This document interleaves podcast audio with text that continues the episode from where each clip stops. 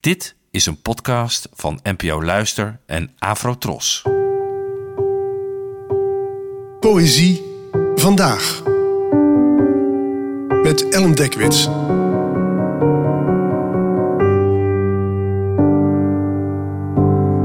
Hallo, fijn dat je luistert.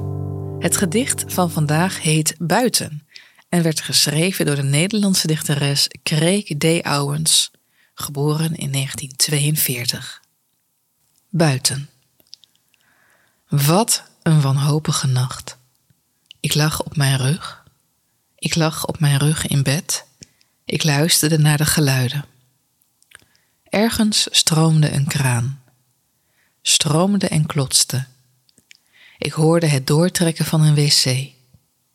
Heel in de diepte stroomde het afvalwater. Ik kon die al te luide eenzaamheid niet verdragen, Larissa. Toch bleef ik liggen, totdat het licht kwam. Ik probeerde nergens aan te denken, maar er waren te veel dingen waar ik niet aan wilde denken. Ik had willen huilen, maar daarvoor was geen reden. Dit gedicht valt meteen met de deur in huis. Het opent met wat een wanhopige nacht. En gaandeweg ontdek je waarom het zo'n wanhopige nacht was. Iemand ligt in bed, luisterend naar een kraan en een wc die wordt doorgetrokken. Het zijn geluiden die iedereen wel eens hoort in huis en die vooral opvallen wanneer je onder de dekens in het donker ligt, het buiten stiller is geworden en je niet meer de afleidingen van de dag hebt. En dan komt in het gedicht een mooie wending. Ik kon al die luide eenzaamheid niet verdragen, zegt de ik-figuur tegen een zekere Larissa.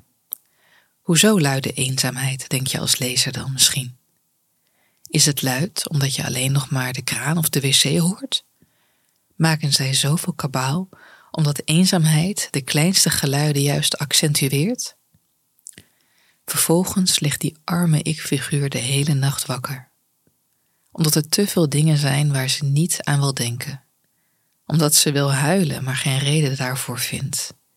Waardoor die eenzaamheid hem niet alleen komt te zitten in die geluiden om haar heen, maar ook in de wetten en regels waar ze zichzelf aan onderwerpt.